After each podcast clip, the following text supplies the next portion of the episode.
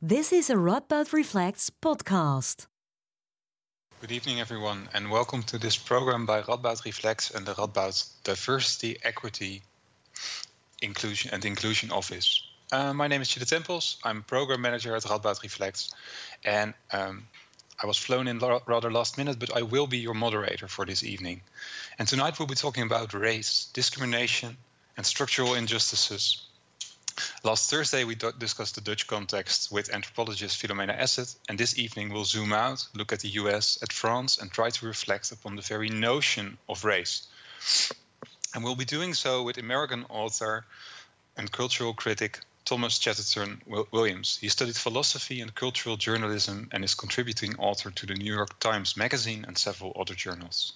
In 2019, Williams wrote the memoir Self Portrait in Black and White Unlearning Race. And in his book, he reflects on what it means to be called black or assumed to be white. He outlines how he spent his life believing the American dictum that have that, that having a black heritage heritage makes a person fundamentally black. But this understanding radically changed when his daughter was born, for he, he got a blonde haired white daughter. And this, this event led him to question his earlier health convictions. And he now puts forward that we should let go of racial categories and try to unlearn race. But this is a novel view, yet also a very provocative thesis. And tonight we will be engaging in a conversation with him. For what are we actually talking about when we talk about race? Uh, and in the light of Black Lives Matter movements in this, and the struggle against institutional racism, is this concept not an absolute necessity? And is it even possible to transcend race? Well, those are the kind of questions we'll be talking about tonight. Also joining this conversation is Rona Jualla from Oudhoven. She's a sociologist working at Radboud University, but foremost, she is the new diversity, equity, and inclusion strategist at Radboud University. She will also engage in the conversation, shed her light on the work of Williams, and reflect on what his work implies, for instance, for the diversity policies at our university. So, what does the evening look like? Well, Thomas will first give a brief introduction to his ideas, which is followed by uh, an interview. And after the interview, there's ample room for you from the audience to also ask questions. You can do so, as you know by now, by going to www.menti.com, and the code is 4667864. So 4667864.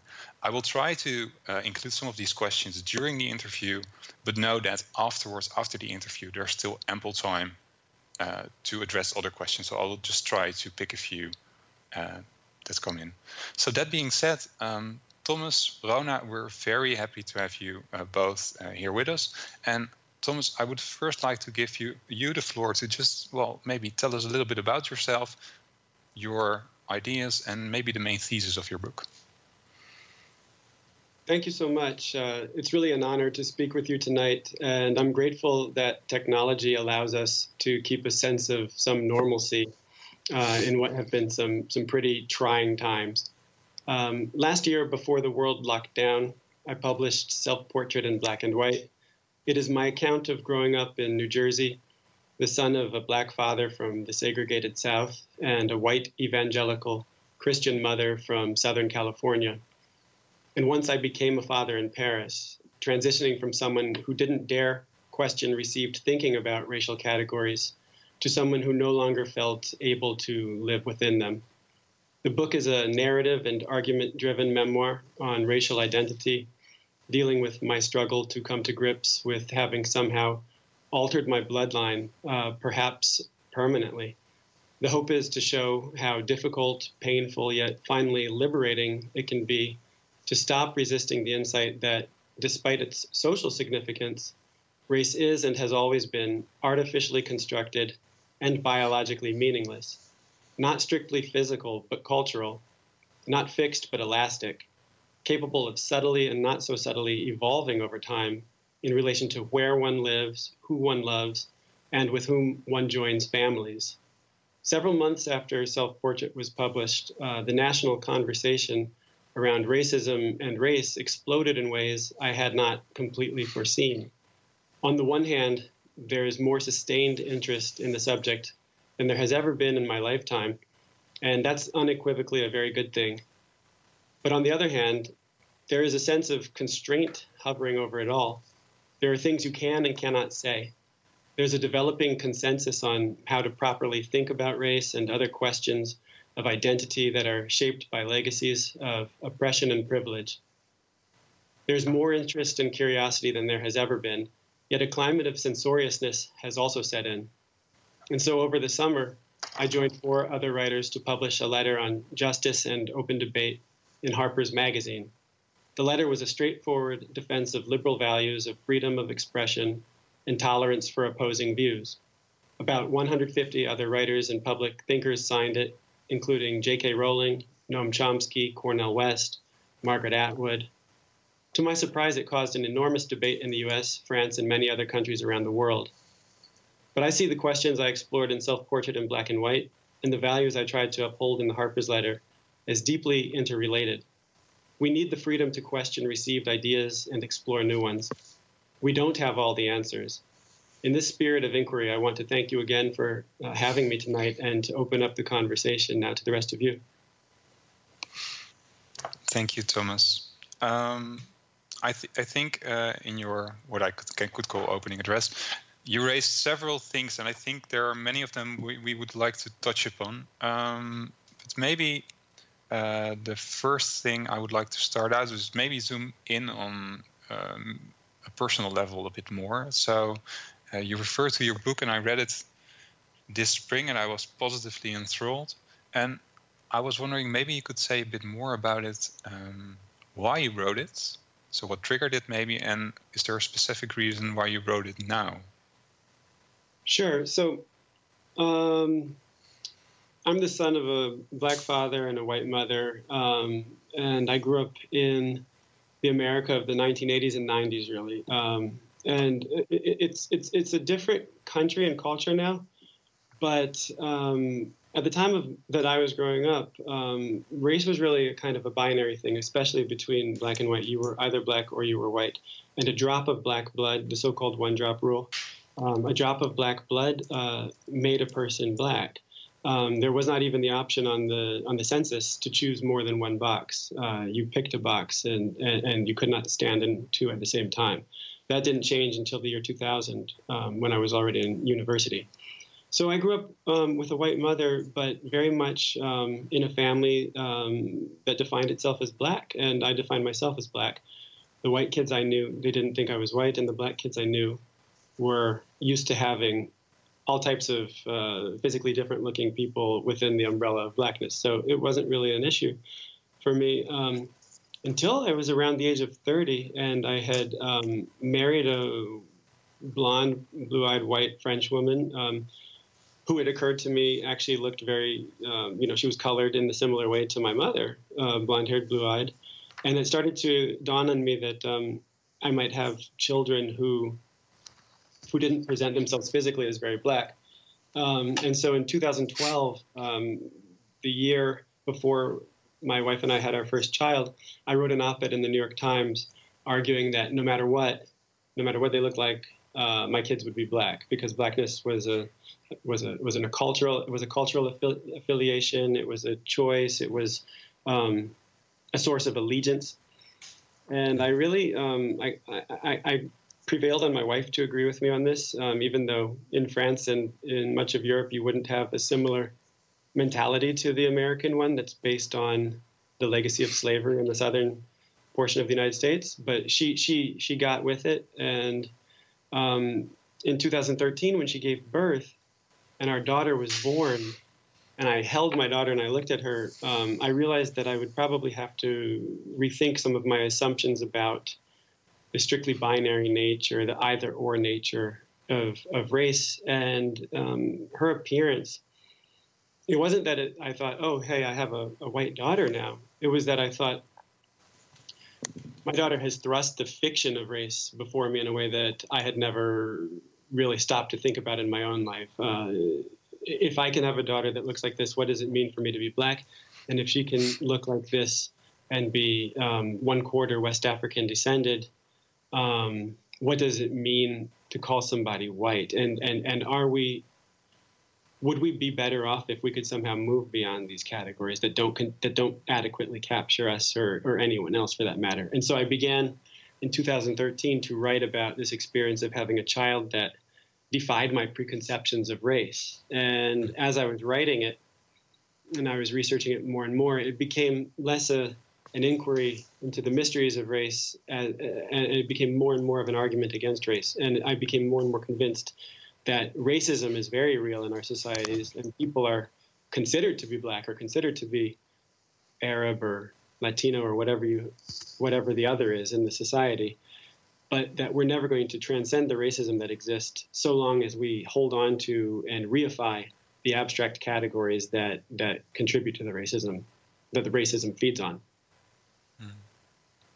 So this this this event shook your your pre-existing conceptions of of race. You would argue then. That's if right. I understand you correctly. That's yeah, right. yeah. Um, I have a lot of questions, but I also want to draw Rona into the conversation, uh, if that's possible. And I have to look at our director, I think.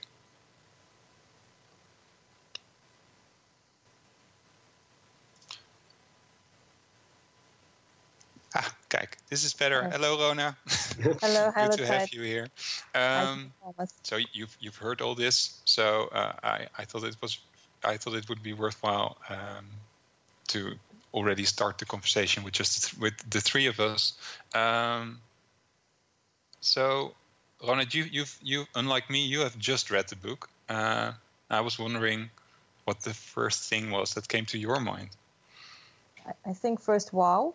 Um, you know, I, let, let, me introduce myself. I, Thomas, we were introduced earlier, but I also think for the audience. So I'm Rona Jualla van Oudenhoven. I am the Diversity, Equity, and Inclusion Strategist at Radboud University. Um, it's a pleasure to meet you, Thomas and Ty. Thank you for engaging me in this courageous conversation. I think we need a lot more of this. Um, Thomas, when you spoke, you, you, you used words like freedom to have opposing ideas and the need for curiosity. And I think that's exactly what this conversation is about. I, I, respect the brave stance that you took in your book, in Self Portrait of Black and White, which I have here. And um, I have a number of questions prepared as well, um, as Tide mentioned, but I think I will go with the flow. One of the things you said, um, Thomas, was the notion of, of ticking the black box. And um, when I read your description of Beatrice, for example, that she and, and, and, uh, and I have it here, you said that she taught you that identities are complex and even paradoxical things. And I quote, um, Beatrice cultivate, was, cultiv- was cultivated, worldly, transparently honest, and full of self respect. She evinced that cosmopolitan Pan African consciousness I had not previously experienced, quoting the Roots and Black Star lyrics, whipping up extraordinary feasts of jollof rice and fried plantains, and casually referencing Chinua Achebe, she understood her blackness as a broad social, cultural, and political construct, and she embraced it, cherishing and embellishing the connections and collective riches it engendered. And myself being Caribbean, I think if I have to identify, in many ways, I identify with those sociocultural elements of an identity versus a sense of colorism. And I think then you spoke later on in the pages um, of what marriage between the both of you would mean. Um, I imagined that we would marry and have children who would inherit an enormous amount of ethnic diversity. But here, and here it is, inexorably have to mark or tick the black box on any census or application.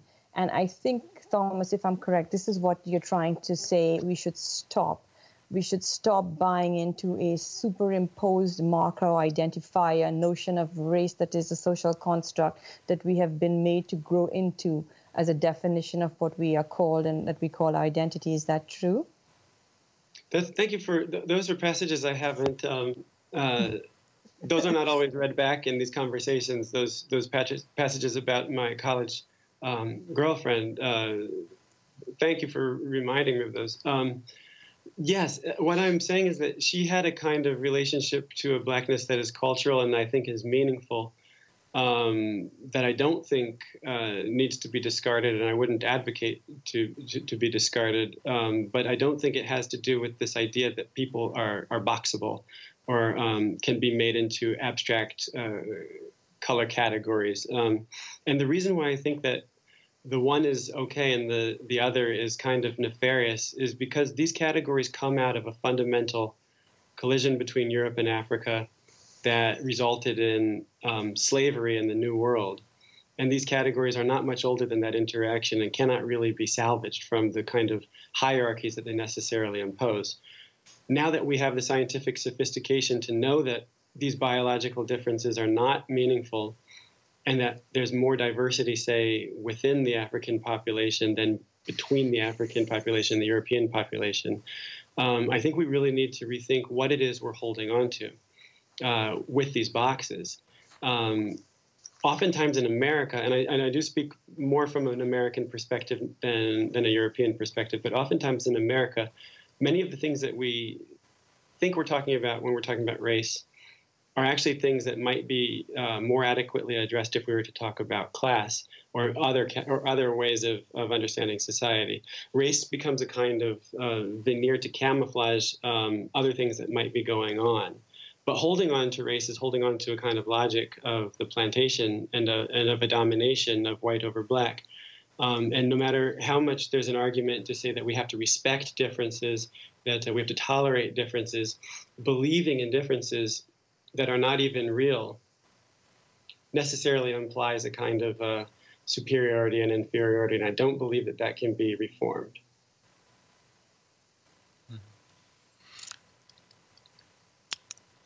Should, should I continue? Should yeah, I continue sure. That? Yeah. So yeah. at the start of at the start of your book, um, you it's interesting because you started with two um, really um, profound, great quotes. One of them by Ralph Ellison, and it is Why waste time creating a conscience for something that doesn't exist? For you see, blood and skin do not think. And then I will then I will move to your reaction upon holding your newborn.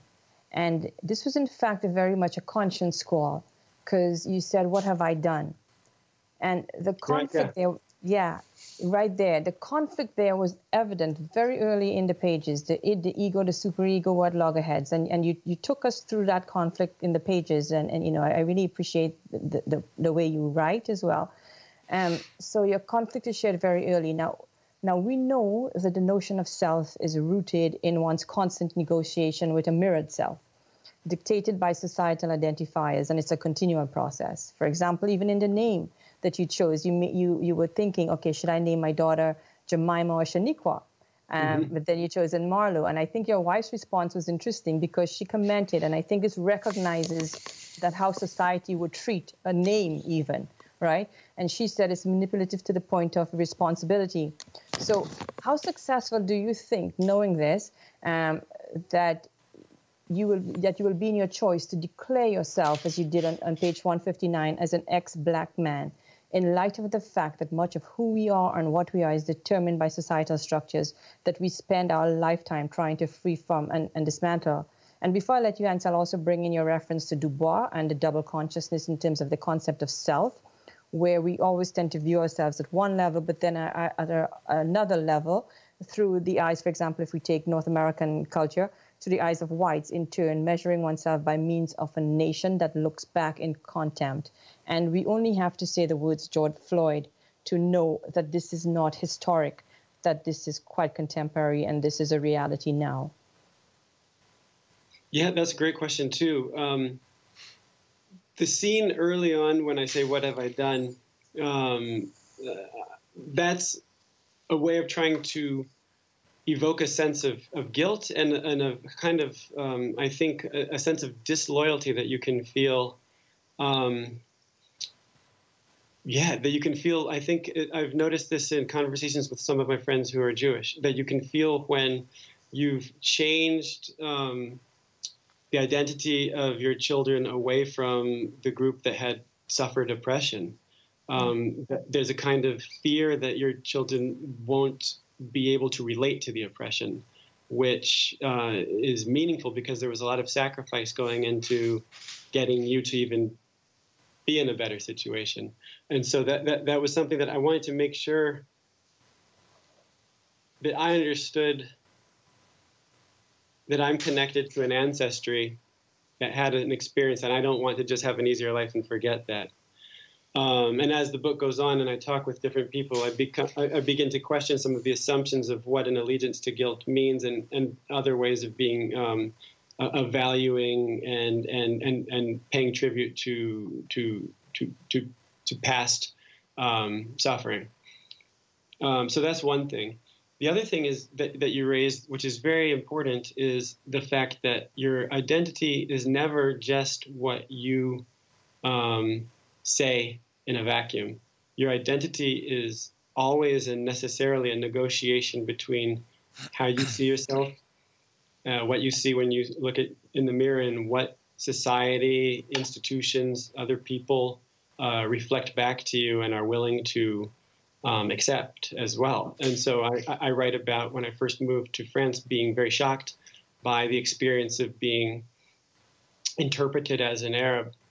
Um, and sometimes being spoken to in Arabic and being asked why I didn't speak my own language, and and realizing that my own identity, how I saw myself, was not necessarily what French society recognized and reflected back. And so race is also locally constructed, and and there's all these kind of um, other dimensions that go into who you are that can you know destabilize your sense of self. Uh, so so I'm I'm very alive to how.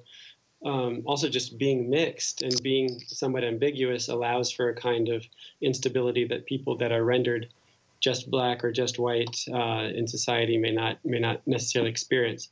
So that brings me to my further point, which I think is very important to emphasize up front. I'm not arguing for just for black people to to question race and to kind of stop being black. I don't think that that's possible, and I don't think that that's fair. I think that the book is really an argument that white people need to first come to grips with how they are racialized in society to understand that it's not everybody else who is raced and that whiteness is this kind of neutrality from which everything else is a deviation, but to understand that their race is made um, and is not biologically meaningful, and that if we want to transcend racism, white people actually are going to really have to be skeptical about race and ultimately reject their own whiteness. So, so those things are all in play together, and I, and, and, and it's not just a kind of critique of blackness or a plea against um, racialized people, minorities, um, going about talking about um, their identities. That, that, that wouldn't be effective, and it's also not, I don't think that that would be a fair argument to make. I was wondering, and I think it might be good to draw upon that a bit more. Uh, when we talk about the notion of race, you earlier mentioned that it's it's differently constructed in different nations and different regions. Um, can you say a bit more about how the perspective in the US, for instance, differs from the one in France as you as, as yeah. you experience both? Yeah, so America is really governed by um, the law of hypodescent, what it was called in the South in slaveholding states, and which is which is this logic of the one drop rule that even in a person who visibly presents as white, if there's any African ancestry that can be found or proved, that person can be enslaved. This has to do with property inheritance, and it has to do with, um, you know, the idea that white is free and black is unfree, enslaved. And so, and so, there's a kind of there was an obsession in America with with not being black, and there were cases of people not like my children who would be a quarter black, but people who would be one thirty second black who went to court to try to argue that they should be treated as whites and were in fact stripped of any claim to whiteness and rendered black. It's not done that way everywhere, even that has had slavery. In Brazil, for example, a drop of white blood makes a person not not black. So you have instances like the soccer superstar Neymar being asked if he ever suffered racism on the field, and him saying, "No, of course I never suffered racism. It's not like I'm black. Uh, my father's black, but I'm not black." And you know, to American eyes, he's more black looking than I am. Certainly, darker skin, curly hair. But in, in his Brazilian framework, that's not what blackness means. In France, where there was never, uh, there was certainly slavery outside of the country abroad, but there was never slavery within the borders of France. There's not this kind of hypervigilance about the borders of whiteness, the purity of whiteness. And so you've always had, you know, some mixed people. You've had Alexandre Dumas, uh, the, the, acclaimed author who was known to have black ancestry, but that didn't define his entire identity in the society. And even when I was, before I had children, when I was living in France, people would ask me, French people would just simply not uh, share the same assumptions that I brought to the matter. So when I would tell, they would ask me, "What am I?" I would say, "I'm black," and they would say, "But why? Uh, but you're clearly you're mixed. So why do you define yourself um, only by one side of your family?" And it was it was an interesting exercise to explain the American logic to people that um, simply didn't start from assuming it to be correct. And so I found in these conversations with French people, even when I was just negotiating my own identity, I found it increasingly absurd to try to make the case for the slaveholders' way of viewing me, if that makes sense. I think it does. yeah. So um, to to follow up on that, maybe a question. There are several questions already coming in from the audience, so I think it might be good to just pick one of them. And one of the people uh, asked, so okay, if we try to move towards a position of seeing no difference, um, is that the same as doing away with the notion of color? So I do think you know it was James Baldwin who who who posed this kind of thought experiment, but he said you know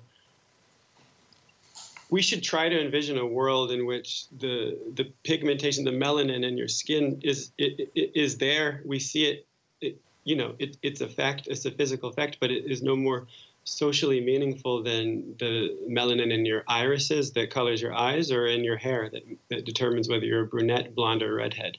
Um, we should we should not be blind to differences. People will always look different from each other, um, but we should really, I think, seriously be skeptical about the kinds of uh, conclusions we seek to draw based on superficial, literally skin deep uh, differences, especially now that we live in. Uh, you know these, these these kinds of ways of looking that are wired into our brain of making assumptions based on uh, uh you know on, on, quick scans of people's um, um, of people's looks. You know, these these were our brains were wired to make these assumptions when we lived in much smaller, more homogenous societies. We now live in very, very uh, multi-ethnic, hyper-advanced uh, societies where we are in cities with millions of people. And the idea that just looking at somebody and making a judgment about who they are based on physical characteristics doesn't suit the way we live now. And so I really do think that we have to all kind of struggle against this tendency inside of ourselves um, to use color as a kind of way of um, discerning allegiances, coalitions, um, class, uh, ideas about class, ideas about um, religion, ideas about uh, secular values. I mean, we have to really radically rethink the way that we allow ourselves to be governed by um, very, very quick stereotyping mechanisms that operate within us. Mm. So there's a question that follows up directly on this answer, I think. Uh, a person asks So, with globalization and the upcoming super diverse cities uh, showing the diversity among and within groups, uh, in what way do you think, Thomas, uh, do you think this influences uh, the learning or unlearning of race? It, that's an interesting question because you can see that. Um, in Europe, for example, where there's been, you know, in recent years, there's been um, a kind of far right populism and a xenophobia that has targeted refugees and immigrants and migrants. Um, the places that have exhibited some of the strongest uh, anti immigrant sentiments are the places with the fewest um, non white immigrants in the population. So places like Hungary, places like Poland, Slovenia, these are places that had some of the, the strongest reactions against the presence of African and Arab uh, migrants.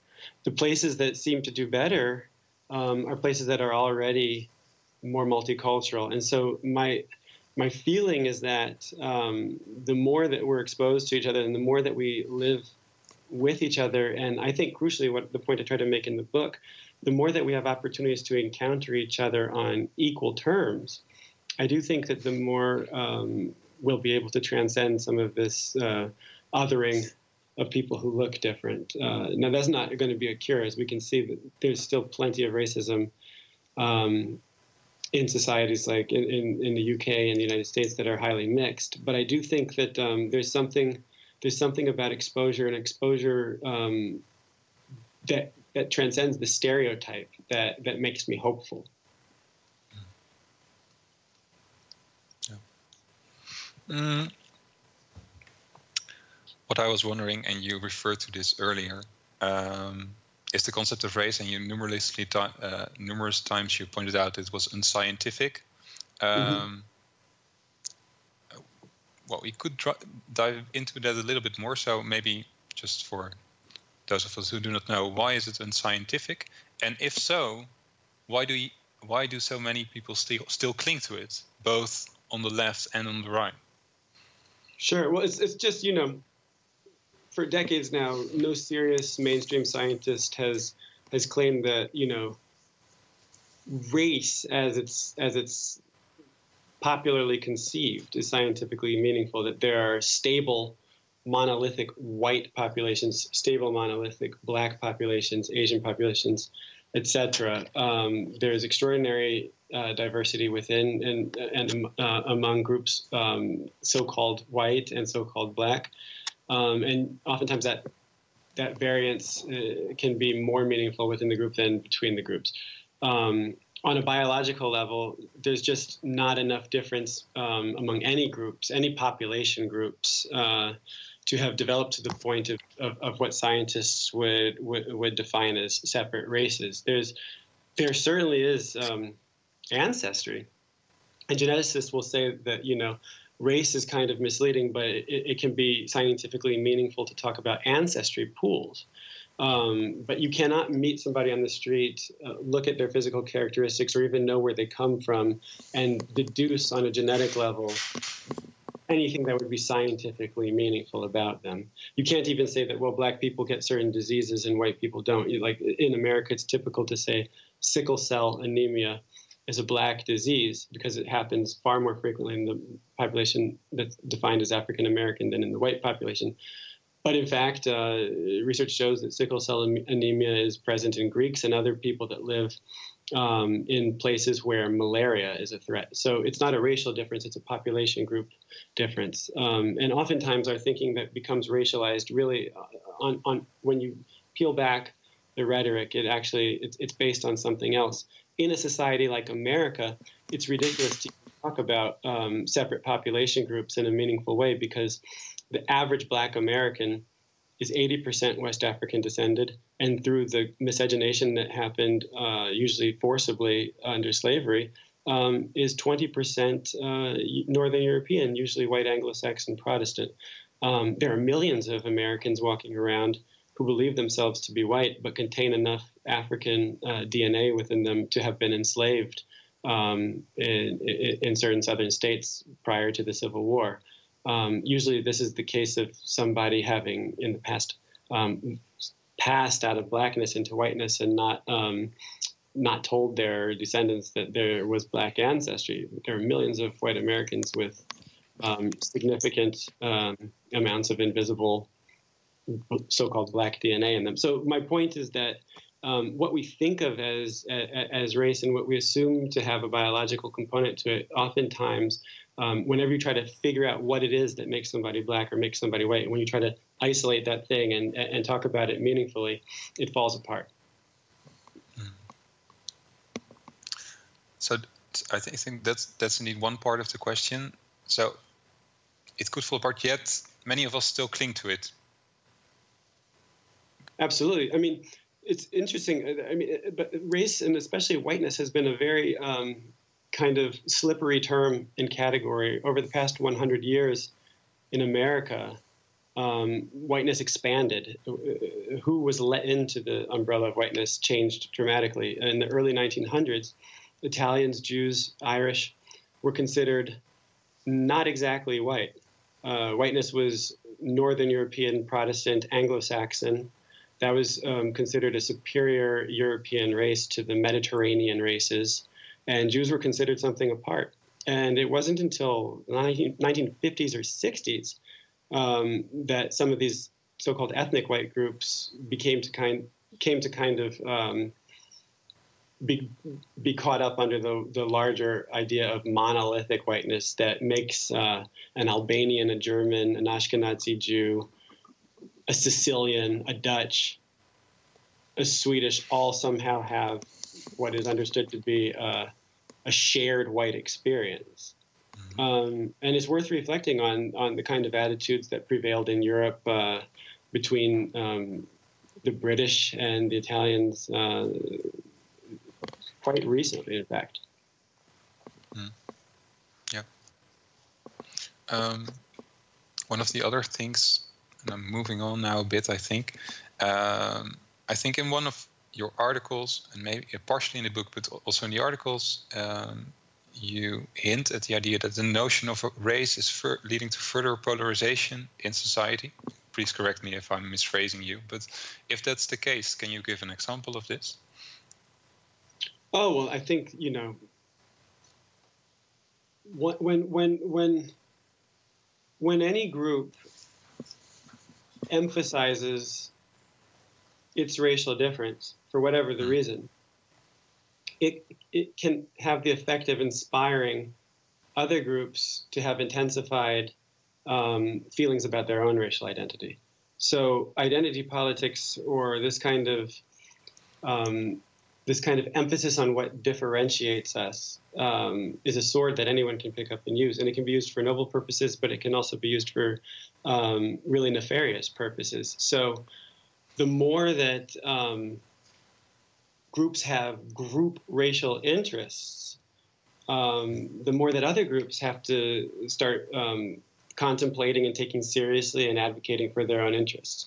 So I think the, the, the thing that we have to keep our, our eye on is that if we actually want to get to a world where um, we don't have white people running around advocating for white interests, then we actually have to get to a world where um, we kind of operate on a universal plane. There are universal values and universal interests, and, and, and maybe we're going to have to pay more attention to class differences and class interests. But so long as there are, you know, we're creating a world in which every single group advocates for their interests except for except for for whites and you can see that there's an extraordinary backlash happening in society. I don't say that to say that we should placate white racists. I say that just mm-hmm.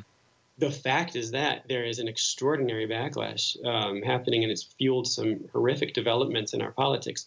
In america in brazil in the united kingdom you name it. When when when when when there's when there's rising ethnic tensions that necessarily um, has unanticipated uh, reverberations. Yeah, I, I, I, can uh, I can see that. I, I think there are several questions coming in, um, and before we dive into this idea of whether we are able to unlearn race, um, maybe another question leading up to that would be: Does the idea of letting of letting go of the notion of race not still enable racism? Or, as somebody else puts it from the questions from the audience, how do we overcome racism from the perspective of, of moving away from race? Yeah, I mean, that's the most important question. I think that you can't. In the in the book, I tried to talk about a white cousin that I have, who um, she wants to use the language of Martin Luther King very glibly and very superficially to basically say, oh, I don't look at race, I don't pay attention to those differences. And she didn't want to think very hard about why a black man might be shot by police, uh, be more likely to be shot by police than, than a white man. So she just said, I just judge people by their actions and what they do. This wasn't her trying to transcend racial difference. This was her actually just basically showing that she didn't want to think very hard about how racism can operate in our society and how certain people can be made to be black and made to be white. So what I'm arguing for is not that we um, don't pay attention to racism. I really am arguing for the opposite. I think we have to think, we have to all, we have to pay a lot of attention, study, be very serious about the ways in which racism functions and the way that it functions beyond uh, interpersonal interactions, the way that it functions, it does function um, systematically in, in, in, ways that I think we have to be very careful um, to articulate and to and to not um, to not downplay. with that said, that can never be enough. So I'm saying we, we have to focus on the racism, but we have to actually say what is the end goal? What is the ultimate society we're trying to achieve? What does that society look like? For me, that society would look more like the rhetoric that you get in a society like France, where they don't use the language of race. France isn't a perfect society and it's not applied perfectly.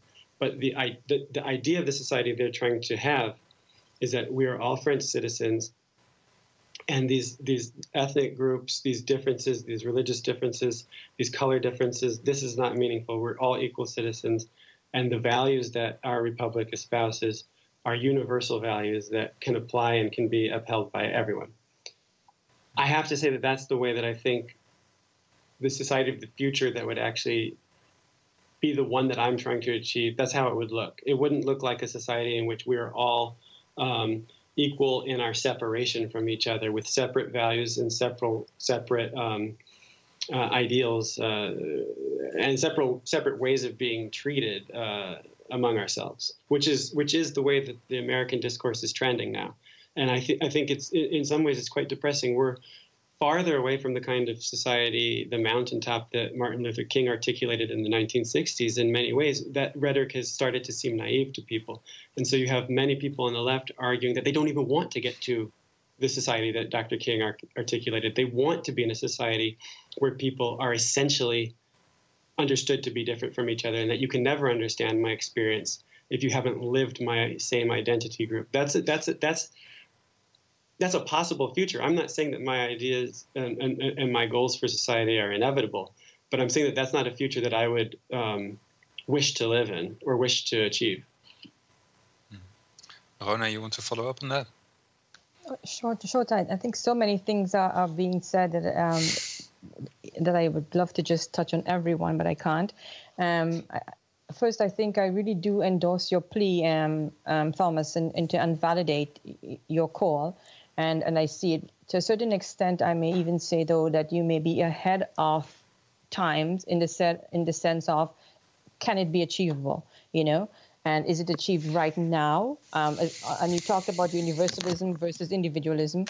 At an individual plane, it it, it might be something that one can do or, or, or um, put forward, but unless those systemic um, those systems that that that we are confronted by and that we, we live by and um, are governed by um, are removed, then to a certain extent it, it, it cannot happen.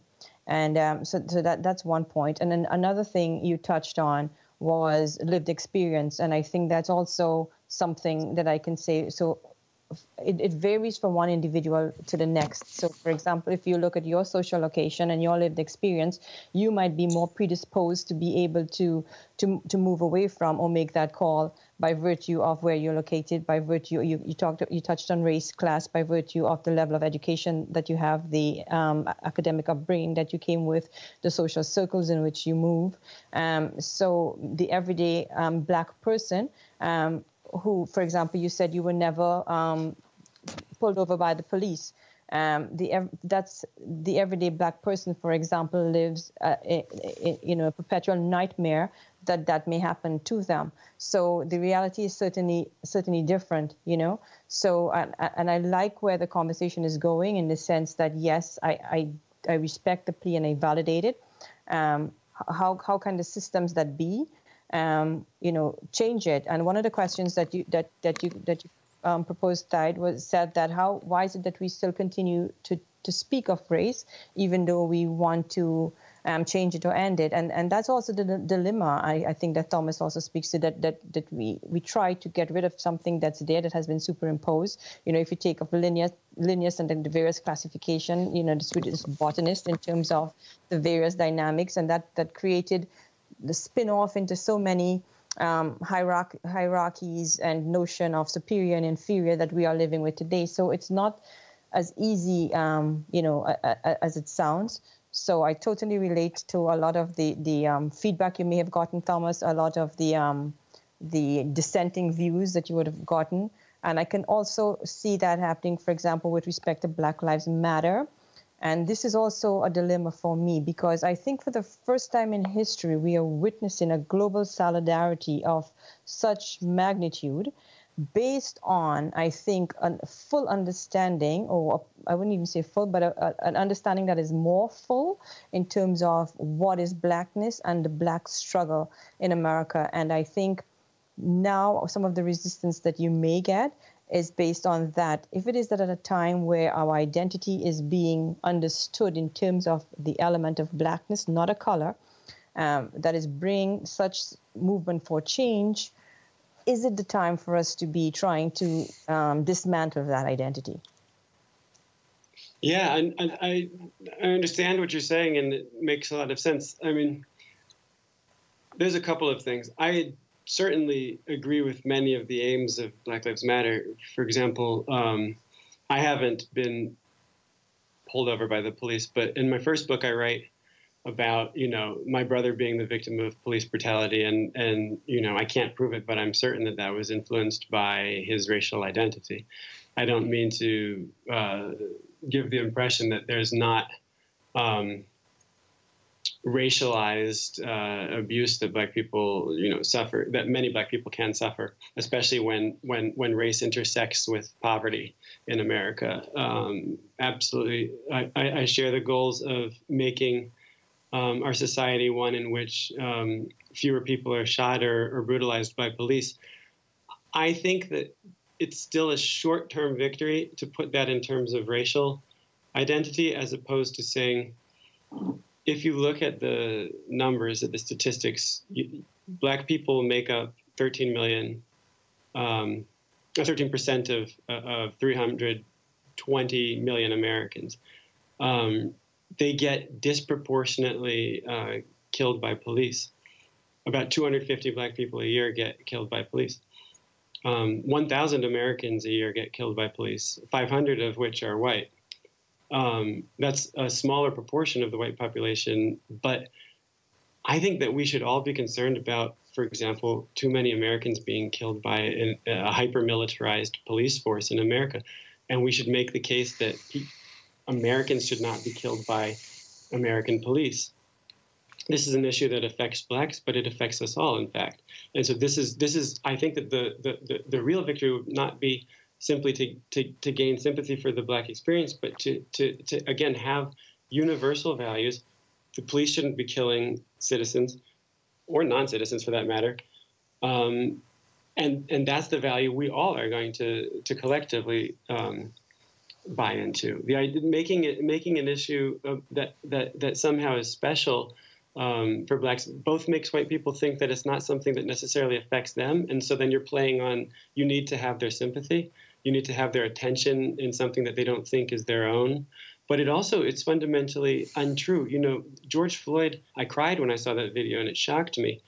But two years before George Floyd, you can find a video in which several police officers are kneeling on the chest of a handcuffed white man named Tony Timpa, and they're laughing. And, and he says, I can't breathe, and he dies.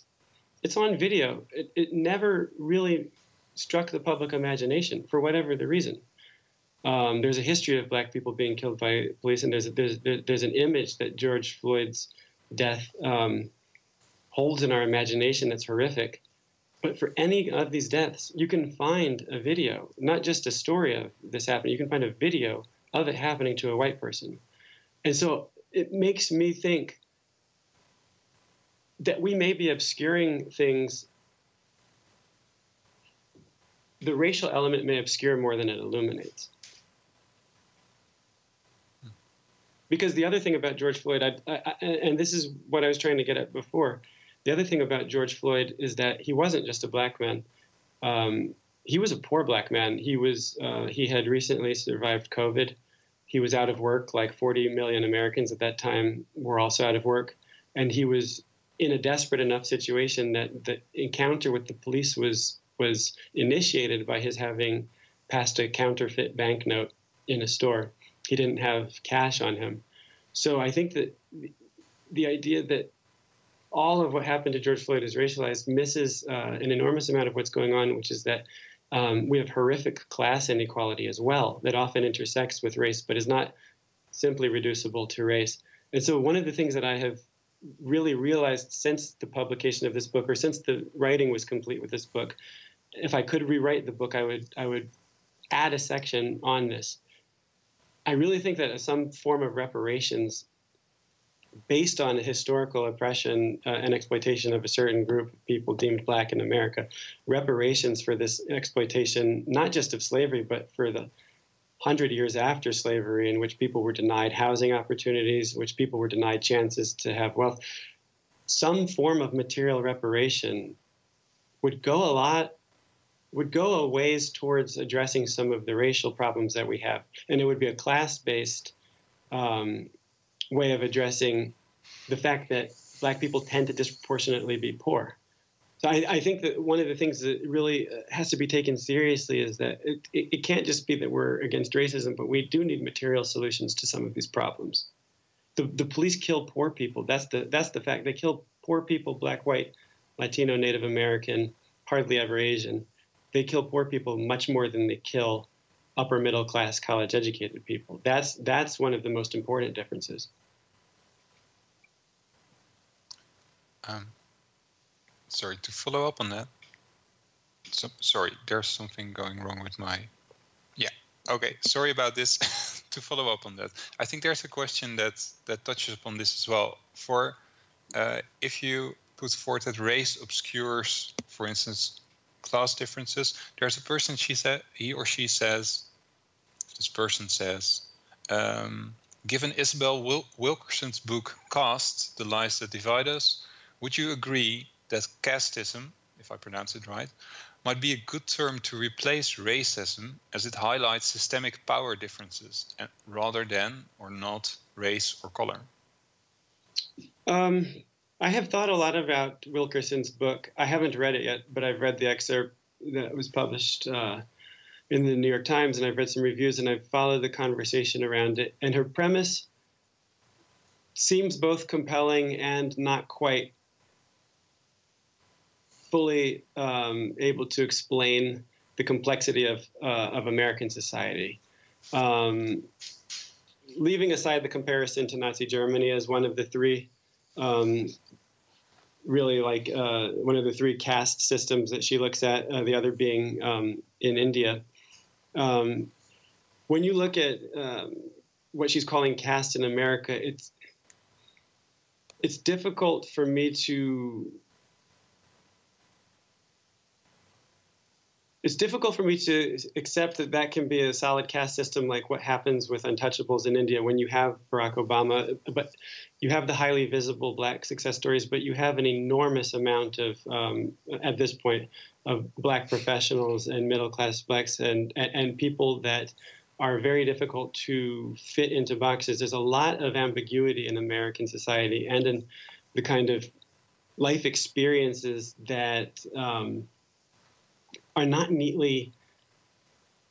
So much of American life doesn't neatly add up in the ways that um, making it seem as though all members of what's called white are able to slot into a caste that is that is accorded more respect than all members who are deemed to be black.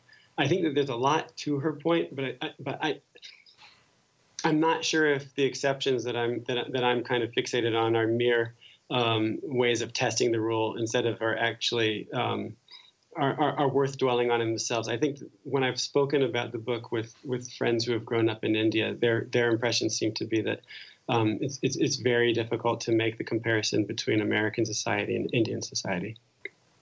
Hmm. So we're gradually moving into the Q&A session already, I think. So um, just to encourage you, people watching at home, um, you can still put forth questions. The Mentimeter code is 4667864. That is 4667864. So, um, well, yeah, let's just pick another question. Um, Thomas, the question is Would you say that rather than dismissing race, it's more about always talking about its intersectionality? Like, render the issues complex as they are instead of highlighting only one aspect of it? Well, I do think that intersection, like an, an, an intersectional framework, um, is always better than a kind of overly simplistic, uh, single lens approach to understanding a person or a group's life experiences. Absolutely. The problem is that um, a country and a culture is not a graduate program. So a lot of people don't bring that kind of sophistication to their interactions. And so I think that we need to find a way of speaking about um, our society that doesn't require everybody to have had um, a certain kind of advanced uh, elite uh, university education. What does that mean in practice? I'm not sure, but I, I, I, it's very difficult for me to believe the solution can be that everybody has to kind of understand um, critical theories and critical studies, if that makes sense. Um, so I'm just going through the. Yeah, Rona. Yeah. Yeah. So, um, um, Thomas, I can't let you leave without asking, without talking about Genevieve. about without, what? Without talking, asking you about Genevieve and Val- Valentine's grandmother and her ah. souvenir on, on, on, the coffee table. And I, I, bring that in because currently in in, the, in Dutch context, and you know, there is a lot of conversation around Black Pete. So I think they can mm-hmm. relate to this question a little bit. Um, you know, you describe the souvenir as an astonishing, thick-lipped bug-eyed porcelain head of a slave or servant woman, and you mentioned that it posed an existential problem for you, and it would certainly pose an existential one for me as well. Trust me. But then, to me, you sort of explained away the microaggression to yourself, you know. And um, uh, again, I have, you know, I've complained at length to her. This is this is your wife, Valentine. Yet the bizarre thing is that the more I complain, the more I realize that I am also playing a role willing myself even into some strange communion with an anger that exists outside of me, an anger that has never rightfully been my own. The lived experience behind the anger belongs to someone else, to a memory. My wife and I continue to argue, and then we begin to laugh at my torment because the grievance remains too abstract, too artificial. So, for me, you know, one of the things I wanted to ask you is that um, you, it, it, caused an existential problem for you. Uh, it is indeed was a microaggression, uh, microaggression, and in a way you sort of um, rationalize it away and you know when we talk about um, you know trans transgenerational um, intergenerational trauma we talk about um, racism not being something that's historic but also contemporary and and I think to a certain extent I'm not too sure that it's not something that you can not own or or even for me you know um, um, that that we can to a certain extent, it also belongs to us, that existential um, glitch that it caused. What, what, what do you think? That's a interesting comparison that I hadn't immediately thought of, but Black Pete, I actually do think um, should be criticized a lot. I, I, I, tend to fall into the kind of category of people that doesn't really feel comfortable with banning things. Um, so, you know, whether you're talking about, you know, very offensive cartoons in France or, or what have you, or Black Pete, I'm not sure that what needs to happen is the government bans this. But I do think that there should be um, a lot of pushback, and I certainly find Black Pete extraordinarily um, bothersome, um, uncomfortable. I can see that if I were living in Dutch society, I would not really like Black Pete. And the truth is, there's a kind of figure like that in most European um, cultures. It's not just the Netherlands. Um, I hate it. Um, and I think that I, I really sympathize with and, and, and echo the sentiments of people who are criticizing it.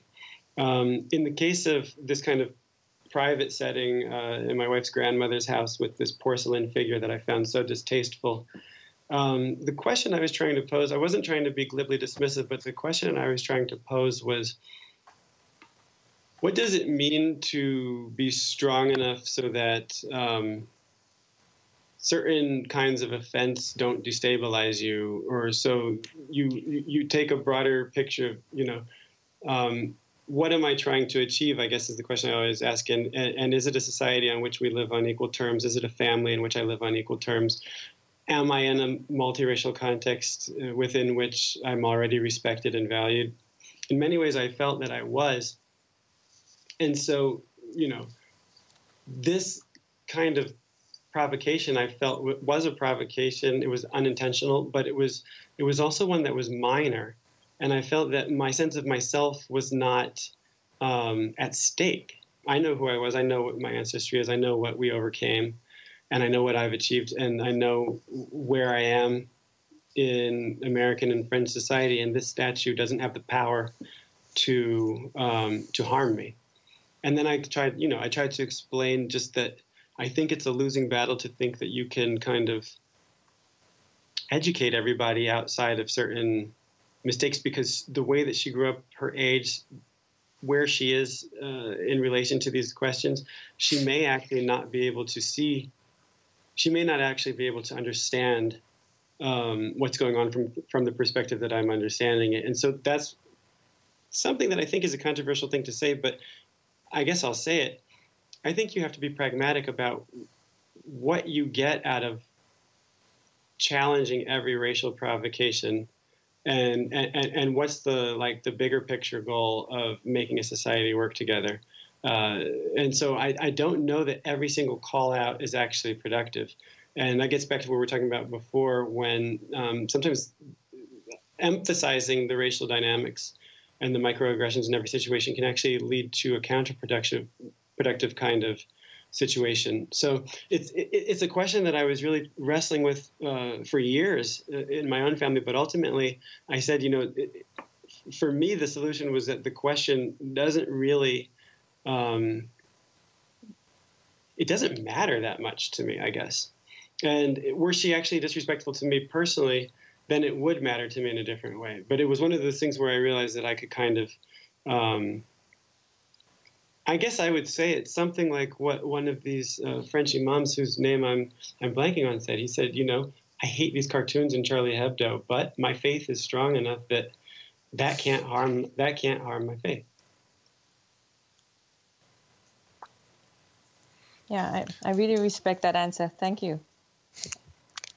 There are a lot of questions uh, pouring in already. Um, I think there's one, and I, I would be curious to know what you both think of it, uh, in fact.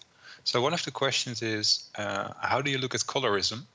And how do you see the privilege of mixed people over people with a darker skin for who it might be easier to move away from the notion of race? So, uh, Thomas, I think I posed it uh, first to you, but then, Rona, I'm also curious what you think about this. Sure. Well, I was going to say I'd love to hear. Rona comes from uh, coming from Trinidad. That's a society. Those Caribbean societies have more, um, potentially have more colorism uh, in the culture than even in America. So I'd love to hear Rona uh, first, if you don't mind. No, I don't. No. Rona. That, that's fine, Thomas. Thank you. And you're so right. I think colorism is as much a part of um, the conversation and the dynamic as racism is. And um, to negate it, it's, it's, it's the same conversation we're having, um, Tide, and that it's not as easy to negate. And certainly it does um, have the, the layers and the hierarchy where one is respected over the other in the same in the same way that whiteness is elevated and blackness is is is, is not elevated or it's, it's it's there in terms of the status. Um, the notions of color, where where light lighter skinned or darker skin.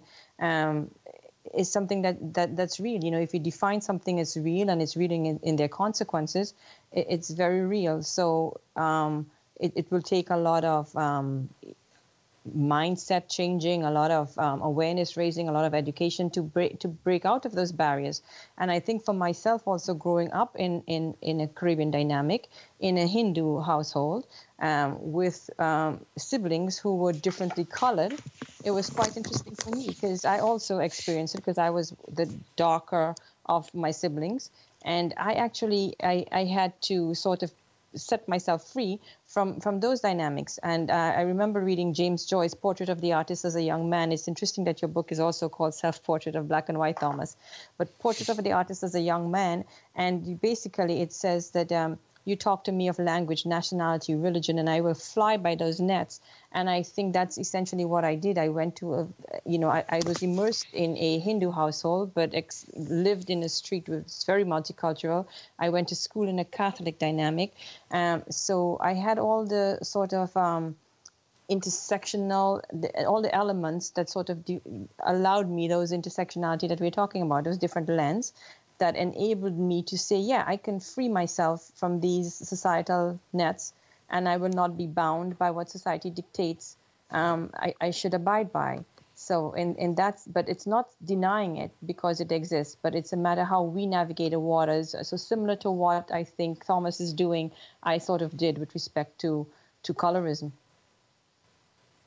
Yeah, it's it's really interesting. I was I, I assumed that you were from a Hindu background, but it's interesting. You have the double experience because colorism is in Indian society and in Caribbean society. That's right. Um, uh, you know, I think about this a lot. Uh, one of the first things um, a Black American French friend said to me when he first saw a picture of my daughter was he said, "Wow, that's what you know. You know, in Martinique they have 30, I believe it's 36 um, different terms for for every different shade."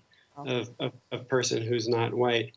And he said your daughter would have been what they call in Martinique chape, which is which is a kind of way of saying échappé, which is a way of saying escaped. And and I thought about that so many times that if you were technically black, but if you had a drop of black blood, but essentially looked white, they called you escaped.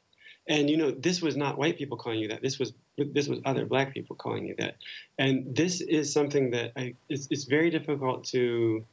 A lot of white people, I don't think, have ever paused to think about this, but it's something that I, every black person I know um, certainly is aware of, and it's something that's really profoundly harmful. Um, the, the, the elevation of whiteness and lightness within non-white groups' self-conception is something that white people can't fix that for for non-whites. That's something that really has to be reckoned with um, uh, on its own. And and I think it's one of the things that um, yeah, it's one of the things that makes me the saddest. You know, in the book I write about uh, when my mother told me, you know, that my father's aunt, when he was growing up, you know, my father's brown skinned, when his aunt, and his aunt certainly was too, told him that he was not, he was expected not to bring around any girls who were darker than he was. And, you know, just, there's just something so profoundly heartbreaking about that. Um, and of course that's related to you know narratives of white supremacy that have always been you know emphasized uh, over the centuries but that's something that uh, that's something distinct from racism it's something that really um, can only be worked out uh, within the communities themselves ourselves there um, are several questions regarding whiteness so i'm going to try to blend a couple of them together. Um, so one of the questions is, in how far how far do you think white privilege is a reality, and if so, how far do you believe it extends? Um, so, yeah, I think about this a lot because it's something that you have to get correct when you talk about. Is there something that loosely correlates to this concept of white privilege that, that is undeniably real in society? Sure. Um, walking through a store and being expected not to be um, up to no good or stealing something, you know, that's something that white people can take for granted.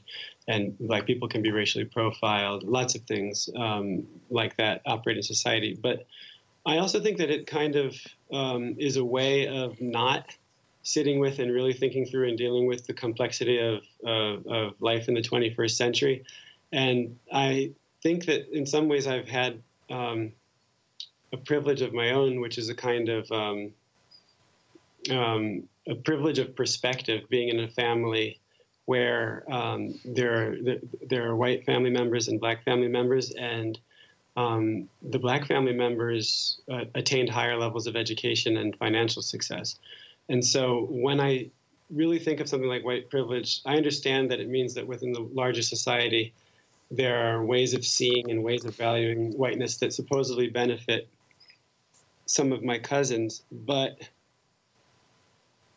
I have every privilege imaginable, basically, except for society saying blackness is better than whiteness, uh, going for me. Um, in contrast to to my cousins and my aunt and my uncle, and when I'm around them, I don't feel in any way um, um, oppressed, and, and and and so I think that something like that really dismisses the extent to which individual lives are very different. My my white family members are actually, you know, these are people who who can struggle in in 21st century knowledge economy.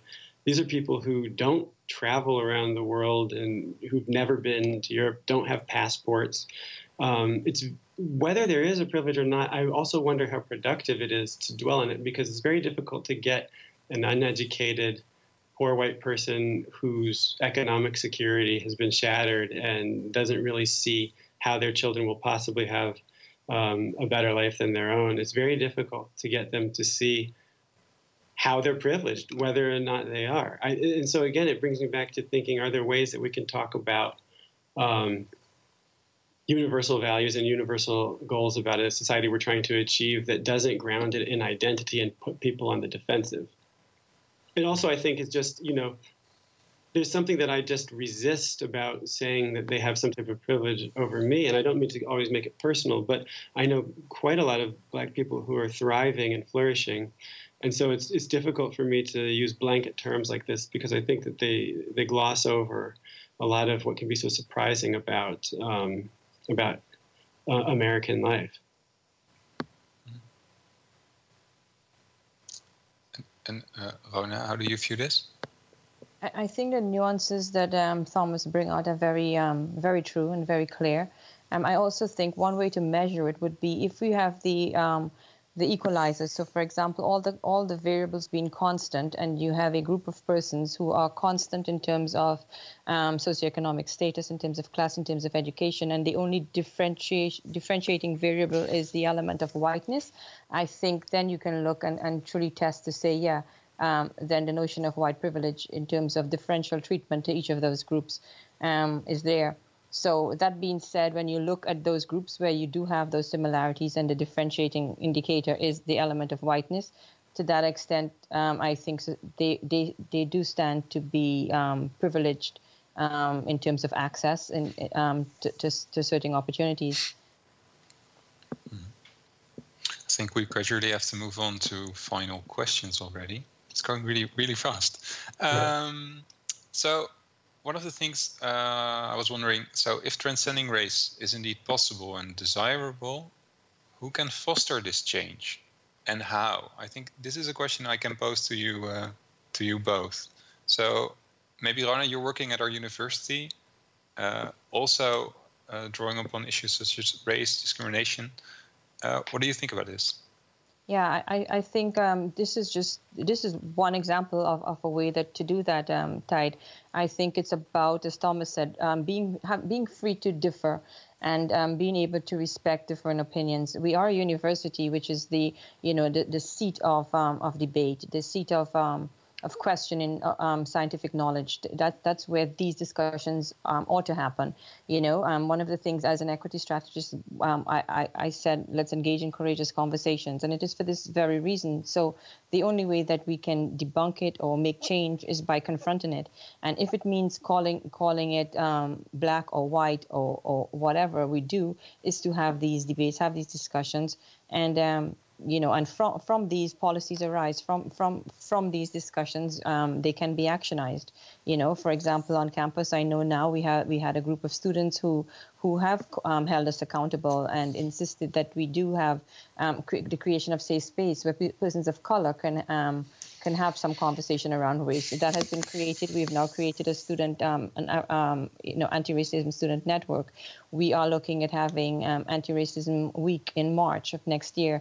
So it's really about saying, hey, this conversation is happening. How do we not just, just turn away from it? How do we uh, confront it? How do we embrace it? And how do we grow from it?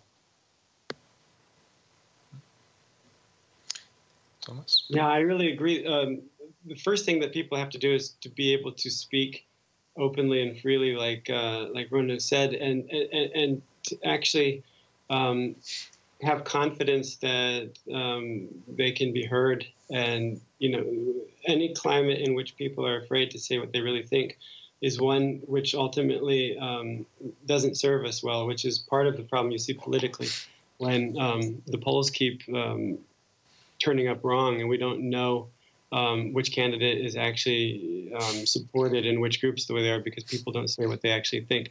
We need free speech and we need the free exchange of ideas because we don't know what we don't know and we don't know what we'll hear that will actually help us.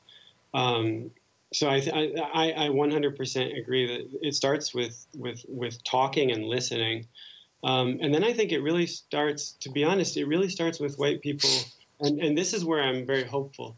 I don't think there has ever been a time in my life when so many white people were genuinely uh, grappling with and trying to understand, uh, or trying to at least appear to understand questions of racism in society and inequality and oppression, and, and, and trying to understand what it means to be black, what it means to you know to to be Muslim. Uh, these these questions are are with us now in a way that I think is is difficult and is causing a lot of kind of discomfort, but is ultimately really, really um, hopeful.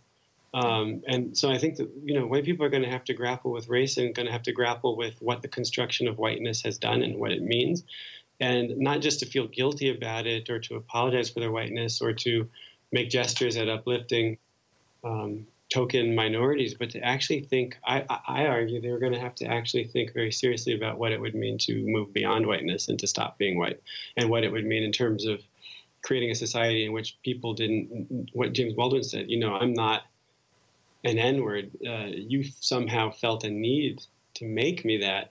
And you're going to have to think about why it is that you needed that. And you're going to have to think about what your life would be like uh, were there no more racial oppositions? Was, was there no um, blackness to juxtapose whiteness with? Um, and, and, so I really think it starts from there. But like like we said before, I think that you know everybody kind of needs to put the sort of identity down so that it becomes feasible. Yeah, I, I agree. I agree, and I think it's about doing it together, and I, that's why I respect your stance, Thomas, because you cannot put mainstream culture, uh, uh, you know, um, you cannot peg one against the other and right. the element of diversity equity inclusion involves all of us it's not it's not minority group with mainstream at the side but in exactly. fact reali- exactly. yeah re- realizing that we are all part of the dynamic yes i'm uh, really really sorry that we have to bring it to a close but rona i want to give you the opportunity to to pose one final question maybe before we definitely wrap up yeah, I, I think um, you know, Thomas. It was a pleasure for me to sit in this space with you and to be and to have walked through the, your words um, in your in your books. Um, for me, it was a great honor. Um, I think, um, and I, I think I speak also for Tide.